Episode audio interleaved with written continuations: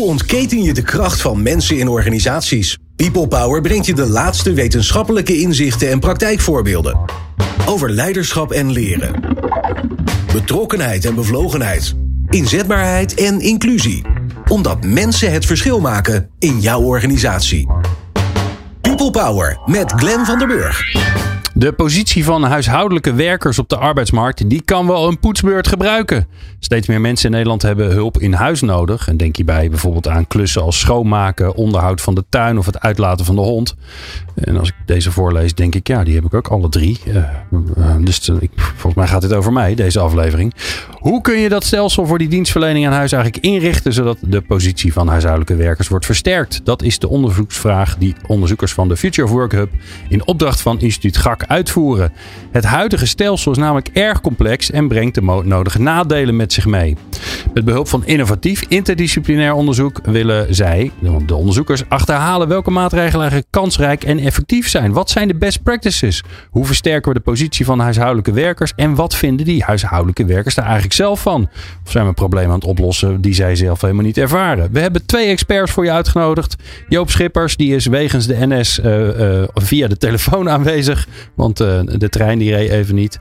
Dat kan je wel eens gebeuren. hoogleraar aan de Universiteit Utrecht. En David Tekort is in de studio onderzoeker aan de Universiteit Utrecht. En beide zijn betrokken bij de Future of Work Hub. Wij zijn zo blij dat je luistert naar People Power. People Power met Glenn van den Burg. David en Joop uh, in de studio. De ene virtueel, de ander in het echt. Uh, fijn dat jullie er zijn. Joop, leuk je weer te spreken. Dat is een tijd geleden. Zeker. Um, ja, de huishoudelijke werkers. Uh, eerst maar even een beeld cre creëren. Over hoeveel mensen hebben we het eigenlijk, David? Huishoudelijke werkers. Dat, dat lijkt een makkelijke introductievraag. Maar ja, het probleem is juist dat daar eigenlijk het, het moeilijke al begint. En dat komt waarschijnlijk deels wat je wel zult verwachten. Dat er ook veel mensen hier op de zwart, in zwart circuit werken. Dus daar zie je al dat eigenlijk tellingen vaak schattingen zijn en ook heel grove schattingen. Uh, maar als je dan schattingen ziet en die zijn wel iets verouderd, dan zou je moeten denken aan ruim een miljoen huishoudens die die diensten uh, afnemen. En dat het ongeveer door tussen de 300.000 en de 500.000 mensen uh, gedaan wordt. Maar nogmaals, dit zijn heel grove schattingen en ook niet onze schattingen. Maar dat, in ieder geval een significante groep. Ja, tussen de 300.000 en de 500.000. Is er, is er een branche waar er meer mensen werken? Lijkt me sterk. Er zijn wel veel kleine deeltijdbanen natuurlijk. Daar staat het ook wel weer onbekend. Dus ja. in die zin. Maar uh, ja, ja. ja.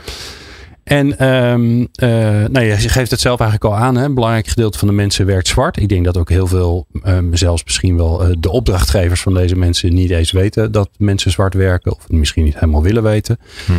Als je die, die positie van die huishoudelijke werkers nou op de arbeidsmarkt zou moeten schetsen. Uh, waarom is dat dan een, een probleem op dit moment, Joop?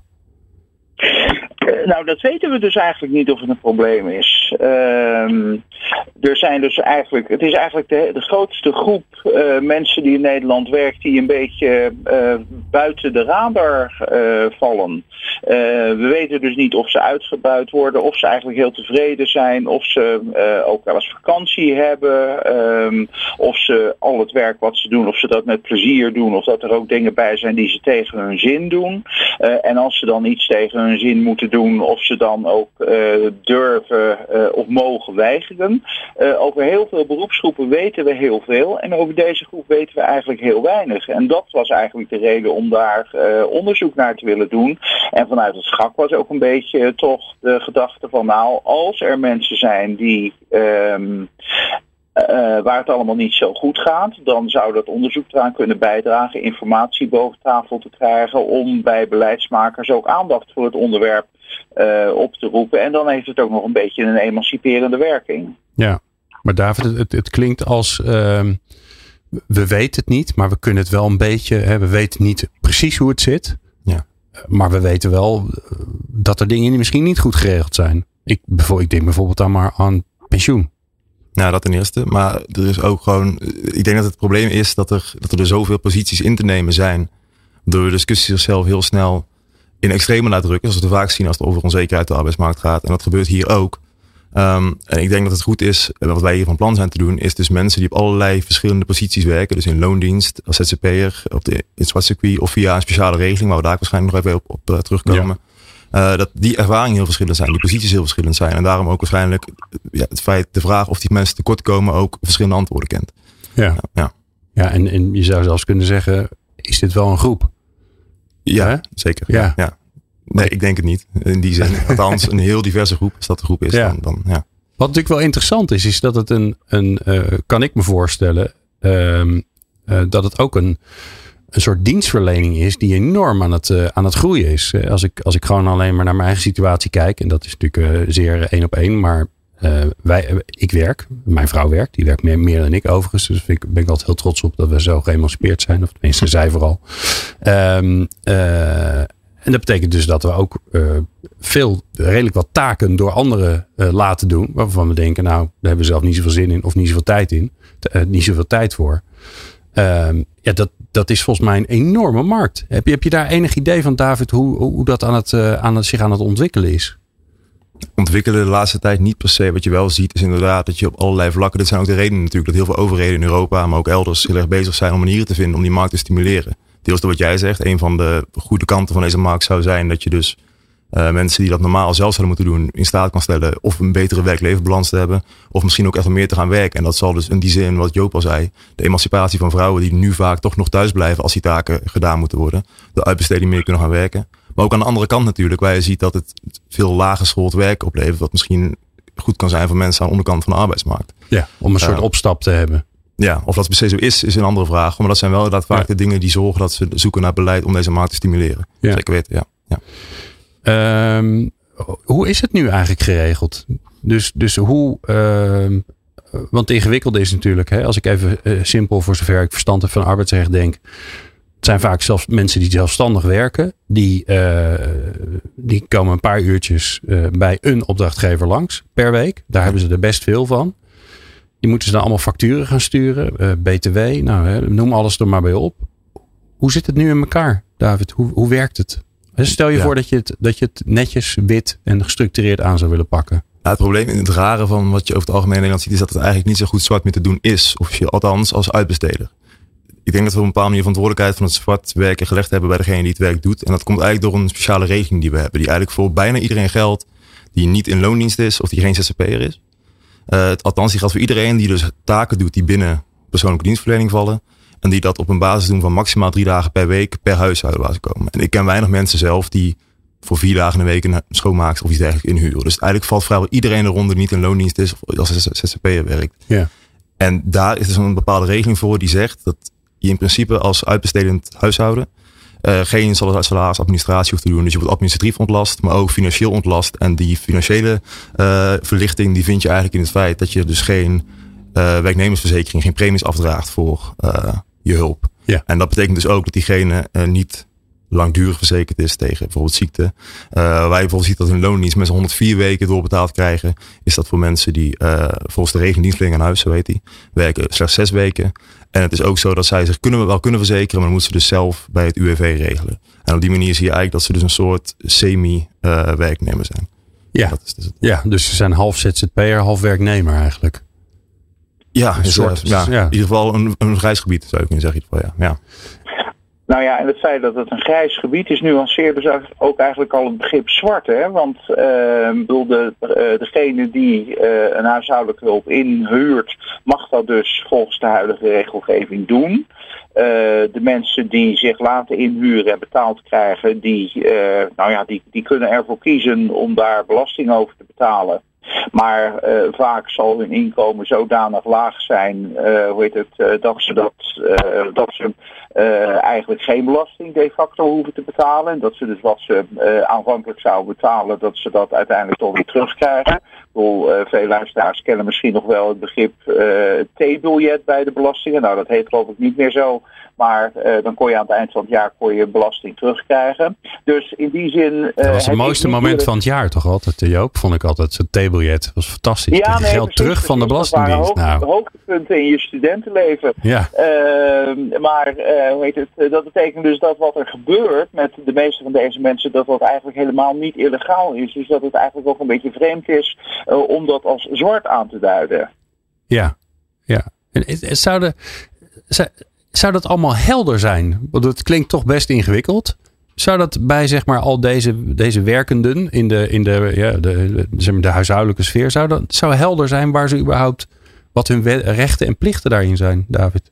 Daar lijkt het totaal niet op. Nee. Maar ik weet wel dat er, die regeling is al vrij oud. Die is volgens mij in 2007 geïntroduceerd. En wat je vaak bij die regelingen ziet, is dat het überhaupt wel lang duurt voor die bekendheid krijgen. Maar dat hier nog wel eens een keer een campagne tegen aangegooid is, maar dat het niet echt, uh, nee, volgens mij niet echt. Je Nee. ziet wel, dus er zijn bepaalde plekken waar het duidelijk is. Omdat je bijvoorbeeld, als je via een indicatie vanuit de gemeente uh, iemand inhuurt voor een contract, dan moet dat contract goedgekeurd worden. En dat contract is dan bijvoorbeeld gebaseerd op deze regeling. Of als je via bepaalde platforms nu mensen inhuurt, dan is die regeling eigenlijk een soort van deel van het hele, ja, van de manier waarop je mensen inhuurt. Dus dan wordt die nog wel nageleefd. Maar ik denk dat het heel slecht wordt nageleefd als je na, echt nagaat van de mensen die zelf via via, via wat dan ook, een hulp vinden. Zeker weten. Ja, dat zijn ongetwijfeld nog steeds de meeste. Dat, ja, dat, Ja. tenminste, dat denken we wel. Het gaat niet via via, toch? Heb je, ken jij nog iemand? Ja, zo werkt het toch een beetje. Ja. Ehm, wie, wie zijn er allemaal betrokken bij dit, eh, bij, dit, bij dit stelsel? Waarvan we eigenlijk denken, ja, daar mag wel wat aan gebeuren, Joop. Dus wat zijn de, wat, wat zijn de stakeholders? Zoals we dat zo mooi vragen. Mm, nou ja, dat zijn natuurlijk eh, in de eerste plaats de, eh, de opdrachtgevers. En eh, de opdrachtgevers, dat kunnen jij en ik zijn, gewoon particulieren die zo iemand inhuurt. Maar dat kan bij wijze van spreken ook een thuiszorgorganisatie zijn die mensen inhuurt voor hun cliënten. Dat kan een uitzendbureau zijn waar je terecht kunt als je zegt van nou ik wil er altijd van eh vergewist zijn dat er uh, verzekerd zijn dat er, uh, dat er iemand kan komen en uh, als de, uh, hoe heet het, de taak daarvoor bij het uitzendbureau ligt, dan sturen ze misschien de ene week uh, mevrouw Jansen en de volgende week meneer Pietersen. Uh, maar dan komt er wel in ieder geval altijd uh, iemand en dan hoef ik het niet zelf, uh, niet zelf te regelen. Ja. de gemeente die speelt een rol bij, bij de indicatiestelling. bijvoorbeeld als iemand recht heeft op, op thuiszorg. Ehm, nou ja, en dan zijn er natuurlijk alle, alle werkenden zelf die via de ene of de andere route dit soort, dit soort werk doen. En nou vergeet ik vast nog wel een aantal. Ja, bijvoorbeeld sociale zekerheid, met het UWV. Uh, bedoel, kan ervoor kiezen om te zeggen van goed, mensen kunnen uh, bij spreken niet meer uh, bepaald werk doen wat ze vroeger deden, maar ze zouden bij spreken wel huishoudelijke hulp kunnen zijn. Sommige mensen verrichten huishoudelijke hulp nou in het kader van bij wijze van spreken, ik zal maar zeggen, een beetje therapeutisch weer aan, de, aan, de, aan de slag gaan. Dan moet je bijvoorbeeld denken aan mensen die iets doen in de sfeer eerder van tuinonderhoud dan van, dan van vloeren schrobben. Dus ja, er zijn inderdaad nogal wat, uh, wat mensen bij betrokken. En dan is er natuurlijk ook nog uh, gewoon de Rijksoverheid die met regelgeving dit hele veld uh, probeert te sturen. Dan je dus afvragen van, goh, ja, wat wil je er eigenlijk aan sturen en wat moet je er aan sturen? En dan hebben we tenslotte nog op een heel hoog niveau de Europese Commissie, die ook richtlijnen over huishoudelijke dienstverlening uitvaardigt. Dus ook die bemoeit zich ermee. Hmm. Hey, en ik hoor jullie nu allebei al uh, gemeente, indicatie, thuiszorg. En, daar past het even niet meer in mijn hoofd. Dan denk ik, ja, thuisorganisatie, dat is gewoon een werkgever. Je kan toch mensen in dienst nemen? Dus hoe, hoe passen die dan, dan in dit hele verhaal, David?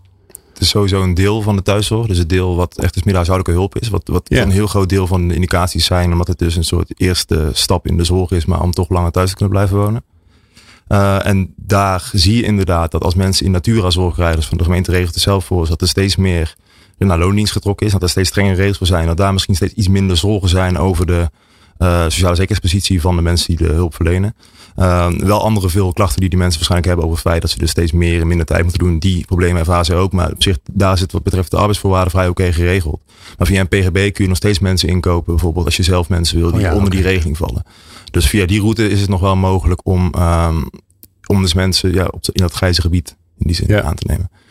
Daar moet je dan wel altijd je belasting aangeven, want via zo'n belastingverzekeringsbank loopt. Maar dat is, uh, dat is eigenlijk nu. Ja. Wat, uh, waarom is het zo belangrijk om dit te gaan onderzoeken? Dus wat, wat, wat dreigt er mis te gaan? Uh, Joop, misschien jij even breed vanuit het, want jij, jij hebt goed zicht over de hele arbeidsmarkt. waarom, waarom, is dit, waarom heeft dit de aandacht nodig?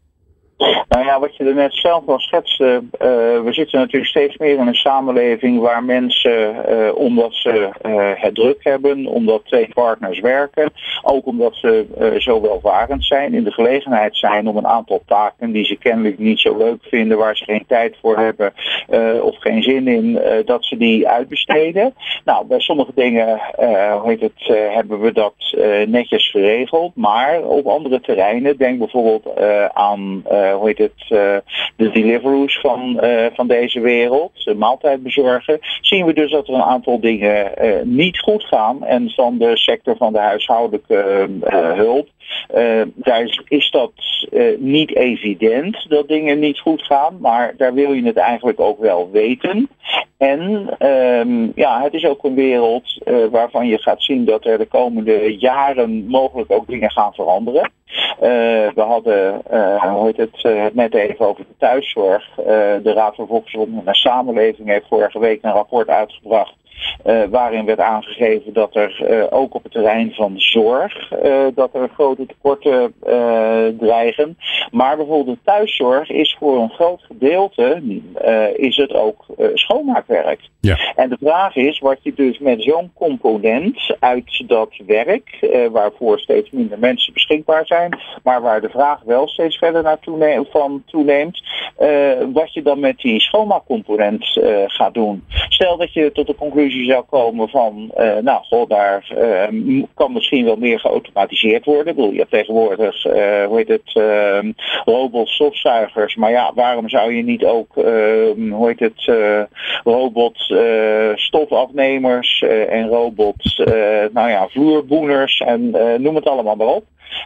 waarom zou je die ook niet kunnen ontwikkelen? En dan is dus even de vraag van, goh, uh, ga je dat dan wel zien in het georganiseerde deel van de schoonmaaksector uh, en blijft dan uh, de particuliere schoonmaak.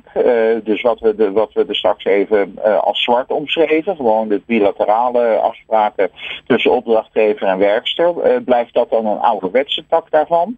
Dus ja, er dreigt nogal wat te gebeuren. Uh, en vanuit dat perspectief is het goed om het in kaart te, uh, te brengen. Plus uh, toch de mogelijkheden verkennen van wat is er, wat is er elders mogelijk. Je hebt bijvoorbeeld in België het experiment met de dienstenchecks. Ja. om hoe heet het, schoonmaakwerk uit inderdaad het, het zwarte uh, circuit te halen. Uh, nou, wat, wat biedt dat voor kansen? Uh, wat zijn daarvan de beperkingen? Dus ja, zo liggen er nogal wat vragen. Ja. David, wil, je dat aanvullen? Waarom, waarom is het zo belangrijk dat we, dat we hier uh, mee aan de slag gaan? Hè? Los van het feit dat we dat het ook gewoon niet weten. Nou, ik, ik, denk dat je allereerst inderdaad wat Joop al zegt, dat er, dat er een, een tendens is, mensen gaan het meer doen en ook een noodzaak als je kijkt om de maatschappij draaiende te houden. Uh, dus die noodzaak is die potentie zien wij ook. En we denken dat deze sector gestimuleerd in die zin moet worden. Maar tegelijkertijd zijn dus die zorgen van ten eerste zie ze maar eerst de handen te vinden die het werk willen doen. Daar is dan een probleem. Dus ga eens nadenken hoe trek je die mensen überhaupt naar de sector toe. En als het even kan ook naar de formele kant. Um, maar daarnaast natuurlijk ook gewoon, dat is de grootste zorg en misschien de insteek van dit project, zijn dat wij misschien niet weten of het wel zo slecht gesteld is met deze mensen. Dat klopt wat Joop zegt, maar er zijn natuurlijk wel heel veel vermoedens van het feit dat deze mensen uh, problemen hebben. En dat zal voor bepaalde groepen erger zijn dan andere. Bijvoorbeeld illegale migranten, daar zijn heel veel zorgen over, die vaak toch geen andere optie hebben. Uh, en dus eigenlijk ja, in dit werk gedrukt en daar dus niks van zekerheid kunnen opbouwen. Uh, maar ook andere mensen. Het is maar de vraag of wij, ja, hoe slecht die mensen aan toe zijn. En dat is een deel van het onderzoek wat we daarbij moeten zien. Dus het gaat eigenlijk om het feit van blijf die potentie zien, maar probeer die wel in balans te houden met de gevaren die er zijn. En dat niet uit het oog te verliezen. Dat is eigenlijk ja. het. ja. ja. we hebben het zelf gezien met, met iemand die al tien jaar bij ons over de vloer kwam. En hij maakte hij maakte bij ons schoon, maar ondertussen was een soort, uh, soort huisvriend geworden. En die deed het uh, vanuit zijn eigen bedrijfje. Had uh, een bedrijfje opgericht. Dus die deed het allemaal heel netjes. En toen kwam corona. En toen zeiden toch, nou denk ik zeker wel de helft van zijn particuliere klanten. Ja, we zijn nu zelf thuis. Ja. dus het hoeft even niet meer. Hè? En dan, ja, dan zit je. En dan ben je dus aan de beurt. Want dan is dus de helft van je inkomen weg. Nou ja, bij jou en mij zou dat ook een probleem zijn, denk David. Als zelf van iemands inkomen verdwijnt. Maar helemaal natuurlijk, als je, als je, als je in de schoonmaak zit en niet uh, gruwelijk veel geld verdient, dan, uh, ja, dan is dat heel heftig. En dan zie je dus eigenlijk ook ja, wat de loyaliteit is van, uh, van, je, van je klanten. Dat is al pijnlijk. Maar ook gewoon dat, dat, dat, er, dat er geen vangnet dan is. Ja. Ja, dat is heel eh, mooi denk ik dat je dus dat het een huisvriend geworden is. Ik denk dat in heel veel gevallen het helemaal niet het probleem is dat mensen waar mensen thuiskomen het slechtste met diegene voor hebben. Ik hoor met mensen die ik spreek ook heel van heel warme banden die ze samen hebben. En ook van mensen die ook als het niet nodig was bijsprong. Bijvoorbeeld dus de coronatijd dat ze besloten door te betalen. Die zijn er ook. Het probleem is alleen dat het dus het is moeilijk en het, is, het kan zo erg verschillen per geval. Waardoor het gewoon heel moeilijk is om daar als land een zekerheid in te blijven bouwen. En die mensen te kunnen blijven beschermen. Ja. Je laat die mensen eigenlijk over aan, aan, de, aan, ja, aan de goedwilligheid van, van de mensen waar ze thuiskomen. En dat is misschien wel iets wat je niet altijd moet willen als het over zekerheid gaat. ja. Hoe ontketen je de kracht van mensen in organisaties? People Power. Joop Schipper en David de Kort, eh, allebei van de Universiteit Utrecht, eh, te gast. We praten over ja, de, de positie van huis, huishoudelijk werkers. eh, em, ja, wa- wat ik eigenlijk zat te bedenken, maar ik ben benieuwd hoe jullie daar naar kijken.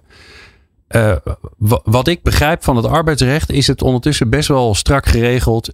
Of je bent een werknemer en daar zitten allerlei voorwaarden aan vast. Of je bent een ondernemer. En dan hier hebben we, dit is een van de weinige uitzonderingen dat je toch, dat je er toch een beetje net tussenin kan zitten. David, klopt dat nou?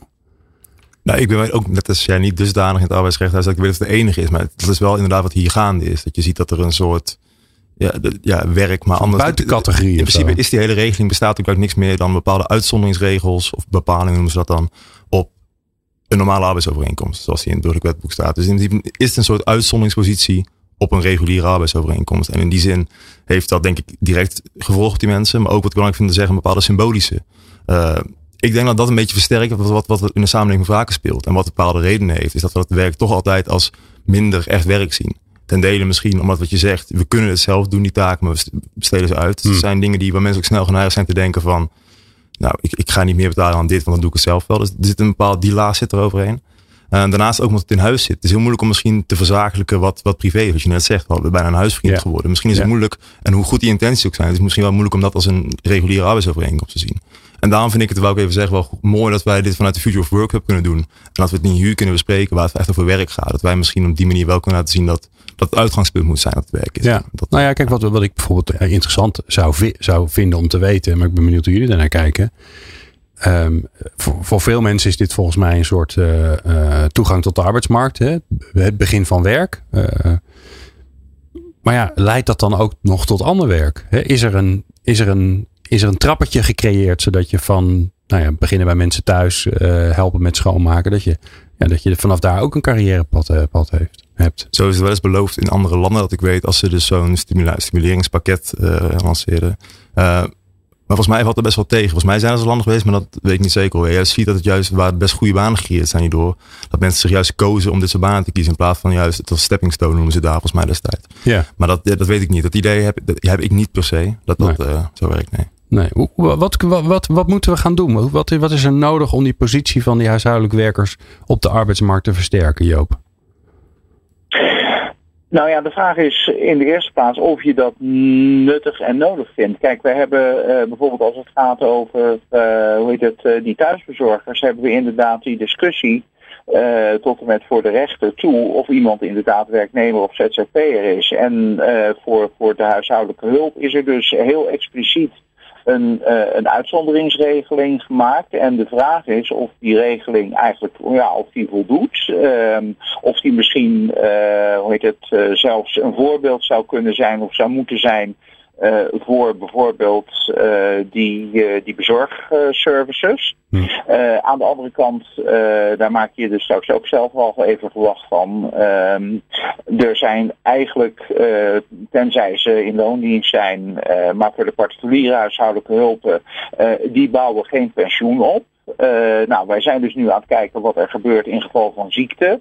Ehm, en andere vormen dat het, eh, dat het inkomen wegvalt. Eh, wat we er tot dusver eh, van weten. En David, eh, David heeft een, eh, hoe heet het, een, een aantal mensen nu inmiddels gesproken. Maar eh, hoe heet het, ehm, ja, daar speelt geen sociale zekerheid. Eh, dan kan het nog zo zijn dat eh, de opdrachtgever eh, dat die zegt van nou in geval van ziekte eh, betaal ik toch door. Maar stel dat iemand drie drie maanden ziek is, wil, de, wil de opdrachtgever dan nog doorbetalen.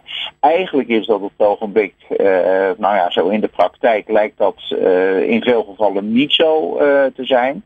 en dan biedt het dus inderdaad, net als in het geval van COVID, en dat de helft van de klanten zegt van nou, dan hoeft het even niet meer, biedt dat dus niet een heel erg zekere, zekere inkomenspositie. Nou is dat, dat proberen we dus ook een beetje in kaart te, te brengen, is dat voor bijvoorbeeld studenten die ehm, weet het, uh, naast hun studie uh, een aantal uren in de week schoonmaken. Nou ja, die doen dat een paar jaar.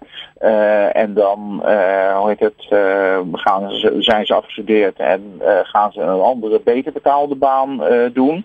Maar er zijn natuurlijk mensen die weinig opleiding hebben en die nou ja, het inderdaad hiervan moeten hebben.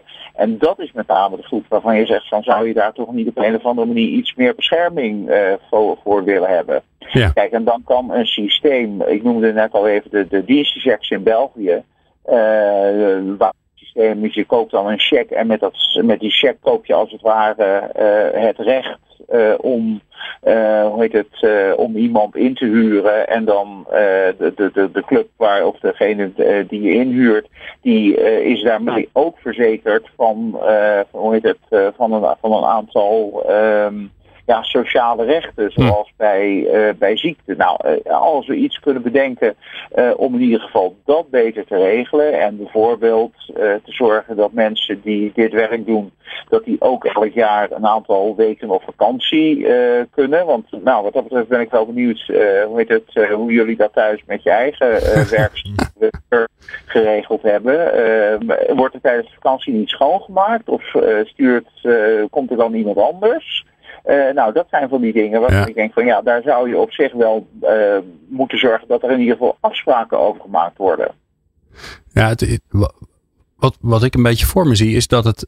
Um, het is heel erg uh, doelgericht. Hè? Je, je, je betaalt voor wat je krijgt. Je betaalt voor een paar uur schoonmaak. En, en, en best wel wanneer, nou, meestal is het, is het elke week of een soort terugkerend iets, maar best wel vanuit de machtspositie van de opdrachtgever, die dan zegt, ja, deze week hoeft het even niet, weet je wel. Dat doen wij overigens niet, maar dat hoor je wel eens. En um, uh, dat klopt natuurlijk eigenlijk niet. En wat ik jou eigenlijk hoor zeggen, um, Joop, is dat in België dus blijkbaar de Belgische overheid een soort van de rol van het bedrijfsleven overneemt. Die zegt eigenlijk, je koopt bij ons iets wat overdraagbaar is. Wij zorgen dat het allemaal goed geregeld is. En, en vervolgens kan je, kan je dat. Hè, dus ze, ze worden een soort van werkgever eigenlijk. Maar eigenlijk ook zijn ze marketeer. Want ze, ze, ze moeten die, die checks wel een beetje vermarkten. Uh, en daarmee maken ze het eigenlijk makkelijker voor iedereen. Toch, David? Ze doen het wel via erkende bedrijven overigens. Maar het is inderdaad wel, het is wel een staat die er heel actief in zit. Ja, en die ook een prijs stelt. Dus in die zin, ja, ja, ja. Maar ik weet niet wat Joop wou toevoegen. Nou ja, je biedt dus inderdaad uh, aan twee kanten wat meer zekerheid. Je biedt wat meer zekerheid uh, bij de opdrachtgever dat er altijd uh, iemand komt. Uh, en dat is voor een bepaalde categorie opdrachtgevers, uh, bijvoorbeeld mensen die het echt niet meer zelf kunnen doen en waarvoor niet alleen geldt dat ze het niet doen omdat ze er even geen zin in hebben, uh, is dat belangrijk. en tegelijkertijd biedt het inderdaad wat extra zekerheid aan de mensen die het, die het werk doen, dat ze bijvoorbeeld ook in geval van ziekte wat, wat inkomen krijgen. Uh, het maakt dus in die zin een beetje een einde aan die situatie van uh, dat je alleen maar uh, betaalt ehm, als er daadwerkelijk wat geleverd wordt. Je krijgt dus iets meer een, uh, een, een, relatie. Nou is in heel veel situaties waar het goed gaat, uh, is er sowieso wel sprake van een relatie, maar dat is dan toch vooral gebaseerd uh, op, op nou ja, informele contacten, op vertrouwen. Uh, en uh, daarvan weten we ook wel eens dat dat wordt beschaamd. Bedoel, iedereen ja. kent ook wel verhalen van, goh, ik had een werkster en plotseling van de een op de andere week kwam die niet meer opdagen. Nou ja, de vraag is of je dat dus wil regelen. en gegeven het belang van de sector, denk ik dat je wel een beetje in ieder geval moet verkennen wat er op dit terrein mogelijk is. En wat kunnen we nou leren van, want als je zeg maar naar de arbeidsmarkt kijkt, hè, dan is de gig economy natuurlijk enorm in opkomst. Hè? Dat, je, dat je eigenlijk allerlei taken, dat je, daar, dat je die online kunt regelen, dat, dat iemand die voor je doet. voor een groot gedeelte online of ver weg. Of nou, hè, Fiverr is zo'n platform wat ik zelf dan wel eens gebruik. En dan voordat je het weet zit iemand in Maleisië een, een logootje voor, me, voor je in elkaar te sleutelen.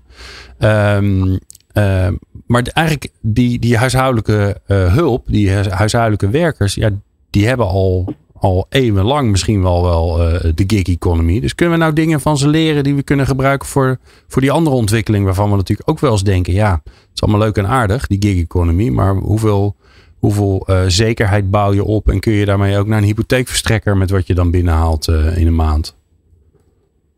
Nou ja, je kunt in ieder geval ervan leren dat uh, het een betrekkelijk grote, stabiele sector is, die ondanks dat we er ehm, niet heel veel regels op loslaten, toch grosso modo vrij goed lijkt te functioneren we horen toch eigenlijk heel weinig, en dat hebben wij tot dusver, uh, hoe heet het, uh, in de interviews die uh, David gehouden heeft, hebben we daar ook nog niks over gehoord, van ernstige misstanden. Hm. Terwijl we bijvoorbeeld bij die bezorgservices hoorde je dat dus, hoorde je dat dus wel, vormen van uitbuiting, gevaarlijke situaties. Nou kan het zijn dat, dat die in deze sector ook bestaan, maar dat die enigszins onder de pet blijven. Nou, wij proberen die dan toch zo goed en zo vaak als het gaat uh, te kijken of er op dat terrein uh, wel of niet wat uh, aan de hand is. En ja, aan het eind zal, maar, zal moeten blijken of we dat goed genoeg gedaan hebben om met enige zekerheid te kunnen zeggen van nou, het ziet er allemaal niet, zo niet zo slecht uit. Is tegelijkertijd ook een voorbeeld van het feit dat uh, partijen er ook samen belang bij kunnen hebben, zowel de opdrachtgever als degene die het werk doet, uh, van het feit dat, uh, dat dingen niet geregeld worden. En dat is in die zin wel weer interessant vanuit het, nou ja, laat ik zeggen, het brede perspectief van de arbeidsmarkt. We zijn natuurlijk heel erg geneigd om dingen te regelen. En dat doen we in het algemeen om de zwakken op de arbeidsmarkt uh, te bestemmen, om een te beschermen, om een zekere mate van ordening aan te brengen.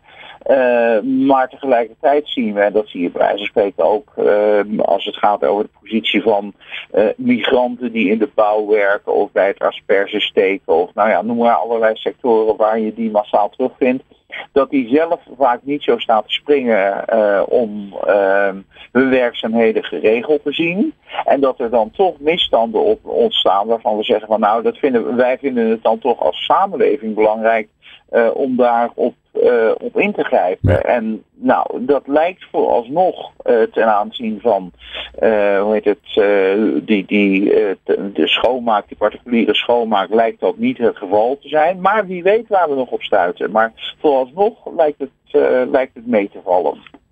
Alright, nou ik ben uh, straks uh, benieuwd naar, want we kunnen, we kunnen even een inkijkje nemen in, in het onderzoek tot zover, want het is nog lang niet klaar. Maar je kunt natuurlijk wel even vragen aan David wat hij nu tegen is gekomen. Dat hoor je zo. Leiderschap, leren, inzetbaarheid en inclusie. De laatste inzichten hoor je in People Power. Ja, de huishoudelijke werkers. Uh, ja, misschien heb je zelf ook wel een, uh, een leuke schoonmaakster, poets. Nou, allemaal mooie, mooie liefkozende namen voor, uh, voor die fijne mensen die ervoor zorgen dat, dat ons leven een beetje fijner wordt. die heb je misschien zelf ook wel rondlopen. Ja, hoe is het eigenlijk gesteld met hun, hun positie op de arbeidsmarkt? Daar hebben we het over met Joop Schipper en David de Kort. David, je bent bezig met het onderzoek. Ja. Um, eerst maar eens even beginnen. Hoe, uh, hoe ziet het onderzoek eruit? Wat, wat, uh, wat vraag je jezelf af? Nou, het is in die zin een vrij ambitieus project. We hebben er twee jaar ook voor. En wat eigenlijk het idee is, is ja, we net al een beetje op, uh, over gehad hebben. We gaan de verschillende actoren weer naar voren laten komen. En wij moeten toch wel eerlijk erbij zeggen te vinden dat in dit onderzoek vooral die stem van die huishoudelijk werkers als eerste naar voren moet komen. Ik denk dat die heel vaak in beleids, ja, in discussies over beleid wel of niet werkt, wat eraan getweakt moet worden, of dat, dat heel vaak die stem weggaat. Dus daarom beginnen we ook met die stemmen. Vanuit daar proberen wij steeds meer te kijken van en oké, wat voor andere actoren die betrokken zijn nou. En zo eindigen we bij een soort internationale vergelijking. Waar uh, bijvoorbeeld België, waar je ook het op had met de dienstenchecks. Ja. Maar ook andere landen, neem Finland, waar ze weer een ander systeem hebben. Dus um, dus dat is eigenlijk heel breed wat ons in elkaar zit. En we zijn nu vooral bezig geweest met gewoon oriënteren. Dus allerlei actoren spreken. En al flink wat uh, interviews aan het afnemen bij mensen die het werk letterlijk doen. En, en stuur je dan een vragenlijstje op? Of ga je echt in gesprek met... Uh, nee, we gaan echt in gesprek. Ja, Oké. ja, ja, ja, dat zijn, okay, maar de, en hoe vind je ze dan? Want het, is, het, het ingewikkeld is natuurlijk, het is een doelgroep die geen doelgroep is. Ja, we vragen hulp in van, ik zal geen naam noemen van bedrijven, want dat is misschien niet, en dan weten mensen wie, wie is. Maar ik bedoel meer, we proberen hulp in te roepen van allerlei kanten. Ja. Het, het gaat gestaag, maar met momenten opeens weer best hard. Dus op die manier hoop je eigenlijk steeds meer uh, mensen. We, we, gaan bijvoorbeeld ook flyers en posters hangen in de Lidl's, de Aldi's, de Albert Heijns van Nederland. Ja, ja, ja. Dus uh, dat soort dingen ook. We gebruiken heel veel. Uh, Eigenlijk op dezelfde manier als dat mensen een huishoudelijke hulp exact, vinden. gaan jullie op zoek naar de huishoudelijke hulp om te interviewen? Ja, precies. Dat was een mooi idee van mijn collega, collega Thomas. Ja, dus slim. Is, ja, ja, slim. Via via. Dus, dus het gaat langzaam, maar uiteindelijk komen ze. Ja, het komt allemaal wel en het is interessant hoor. We zijn fijne gesprekken. En, en die eerste gesprekken die je hebt gehad, hè, wat, wat, wat komt er dan naar, naar voren? Wat valt je op? Zonder dat er gelijk wetenschappelijke conclusies aan worden getrokken. Dat is belangrijk. Ja, ja nee, komt goed. Uh, nou, vooral ten eerste wat ik wat straks al een beetje zei. De mensen die niet in loondienst doen, nog niet als ZZP. Die zitten eigenlijk allemaal qua tijd zouden ze onder zo'n regeling moeten vallen. En dan zie je eigenlijk al dat veel mensen die regeling niet zo goed kennen ten eerste. Uh, maar ook als ik vraag naar zaken, hoe is het dan geregeld met vakantie? Want die regeling zou eigenlijk ook betaalde vakantie moeten krijgen. Vakantiegeld moeten krijgen. Minimumloon heb je recht op. Uh, en dus die zes weken doorbetaling bij ziekte. Nou, dat valt vaak tegen. Dus dat is wel een ding. Ze weten het ook niet. Maar als ik vraag of het krijgen, is het ook, gebeurt het ook gewoon niet. Het is ook niet. Dus dat zie je. Uh, dat is niet per se dat daar nog heel veel boosheid op zit. Wat ik wel van veel mensen hoor is dat ze een gebrek aan waardering ervaren. Um, maar die waardering kan ook heel erg maatschappelijk zijn. Dat ze het bijvoorbeeld moeilijk ja. vinden om schoonmaker genoemd te worden. Terwijl ze zelf ervaren ze veel meer voor die mensen doen. In de zorg bijvoorbeeld voelen mensen zich vaak toch wel de eerste stap die zien als het met een man of een vrouw wat minder gaat. Dat ze daar de wijkverpleging op de hoogte brengen. En ook andere mensen zien dat die gewoon echt, die voelen zich echt degene die een huishouden draaiende houden voor mensen. En ze voelen zich ook door de mensen thuis misschien, maar niet als ze dan in hun omgeving zeggen wat ze doen. Ja. Vinden ze poets en schoonmaken denigrerend. Uh, dus er is echt wel een gebrek aan waardering. Maar of die nou per se ervaren wordt, arbeidstechnisch gezien, dat valt dus wel mee tot nu toe. Uh, er zijn wel gevallen tussen hoor. En dat zijn dan misschien ook eerder de mensen die dus echt hoofdzakelijk van hun inkomen afhankelijk zijn. Die dus dit bijna fulltime doen. En bijvoorbeeld geen partner met hun inkomen hebben of geen andere baan daarnaast hebben. Um, dus er zijn wel wat mensen die wel echt meer zouden willen. En die ook echt zoeken naar manieren ja. om toch, die bijvoorbeeld nu teruggaan naar de thuiszorg, waar wel gewoon met de CO gewerkt wordt. Uh, dus je ziet daar wel verschuivingen in. Maar inderdaad, het is vooral onwetendheid en niet perfecte na, ja, wordt niet perfect nageleefd. Nee. dat kan ik me heel goed voorstellen. Dat zolang alles goed gaat en je hebt inderdaad, hè, het zijn twee partners. Eén heeft een, een, een reguliere baan, de ander die, die, die werkt eigenlijk erbij als schoonmaker. Hè? Dat, is, dat is het extraatje. Dan, zolang dat goed gaat, is dat oké. Maar het moment natuurlijk dat, ja, dat, het, dat die relatie misgaat, en dat gebeurt natuurlijk heel vaak, ja, dan is iemand niet zo, financieel zelfstandig. Ja. En dan krijg je ineens alle problemen van dien. Van ja, uh, hoe is het dan geregeld? Hoe zit het met mijn pensioen? Uh, ja, dan gaat het, dan gaat het natuurlijk ja. mis. In die zin is het uh, natuurlijk fijn dat er, dat er nu een, dat er een regeling is, überhaupt. Zodat, je, zodat er wat, wat is voor, voor deze doelgroep. Maar ja. de grote vraag is natuurlijk of het wenselijk en voldoende is. Ja, zeker. Ja, ja, en ook of zo. En je kan je natuurlijk wel verzekeren. Maar we weten van ZZP'ers bijvoorbeeld in onzeker werk. Heel veel mensen niet. Ja, en vaak met een reden. Hier bijvoorbeeld Joop straks al zei. Als er geen grote inkomens zijn. Dan zul je wellicht ook niet de luxe hebben om een deel daarvan apart te zetten. Voor een uh, uitkering mocht je langdurig thuis zitten. Dus dat ja, is allemaal, ja. Nou ja, los daarvan. Als je het minimumloon krijgt. Uh, ja, het heet niet voor niks het minimumloon. Daar zit niet heel veel. Hè, normaal zitten daar allerlei leuke werkge werkgeverslasten. Die worden allemaal netjes erbovenop betaald. Ja, maar ja, precies, ja. in dit geval moet je dat natuurlijk zelf betalen. Ja. Kan ik me zo voorstellen. Ehm, laten we even naar de toekomst kijken. Laten we even door onze oogharen dromen. Hoe, hoe zou het eruit kunnen gaan zien? Onderzoek is afgerond. Iedereen laaiend enthousiast. En een beetje geschokt ook van de uitkomsten. Waarvan we niet weten wat ze zijn. Wat, wat, zou, er, wat zou er in het beste geval gebeuren, David? Nou, in het allerbeste geval ga je iets regelen waar je zoveel mogelijk mensen die dit werk doen uh, tevreden mee stelt. Zonder dat je daarvoor te grote concessies vraagt van deze sector. Want we blijven die mensen toch nodig hebben. Dus je moet niet heel dat de helft wegloopt om, om een reden die je doet. Um, maar wat ik zeg, het beste is eigenlijk om te kijken. Je hoeft niet misschien iedereen zijn regeling te. Het is ook kunnen zeggen, ga nou eens kijken waar de kwetsbaarste mensen zitten. Er zijn eigenlijk ook heel veel mensen nu die het wel goed vinden zo. Uh, maar we moeten natuurlijk ook oppassen dat dat de relatief positieve uitzonderingen, dat dat niet degene worden waar we beleid op maken. Dus ik denk dat het ten eerste goed is om heel naar die mensen te luisteren en dan te kijken of we misschien niet iets meer maatwerk kunnen maken. Ja. En natuurlijk heel veel leren van die voorbeelden die je in België ziet. Maar om daar iets aan toe te voegen, die zijn natuurlijk ontzettend duur. En daar heb je wel, ja, dat zijn wel echt dingen die ook heel lang duren voor die eenmaal werken. Ja. volgens mij is dat in 2004 of zo begonnen en het is pas later echt een beetje rendabel geworden en groot. Dus er zijn ook wel eens de haken en ogen aan. En dat de vraag nu aan ons is van, willen mensen er iets verandert? En wat vinden wij er als maatschappij van? Want ik denk dat je ook misschien als maatschappij moet zeggen van, mensen mogen zelf geen ja, verandering willen.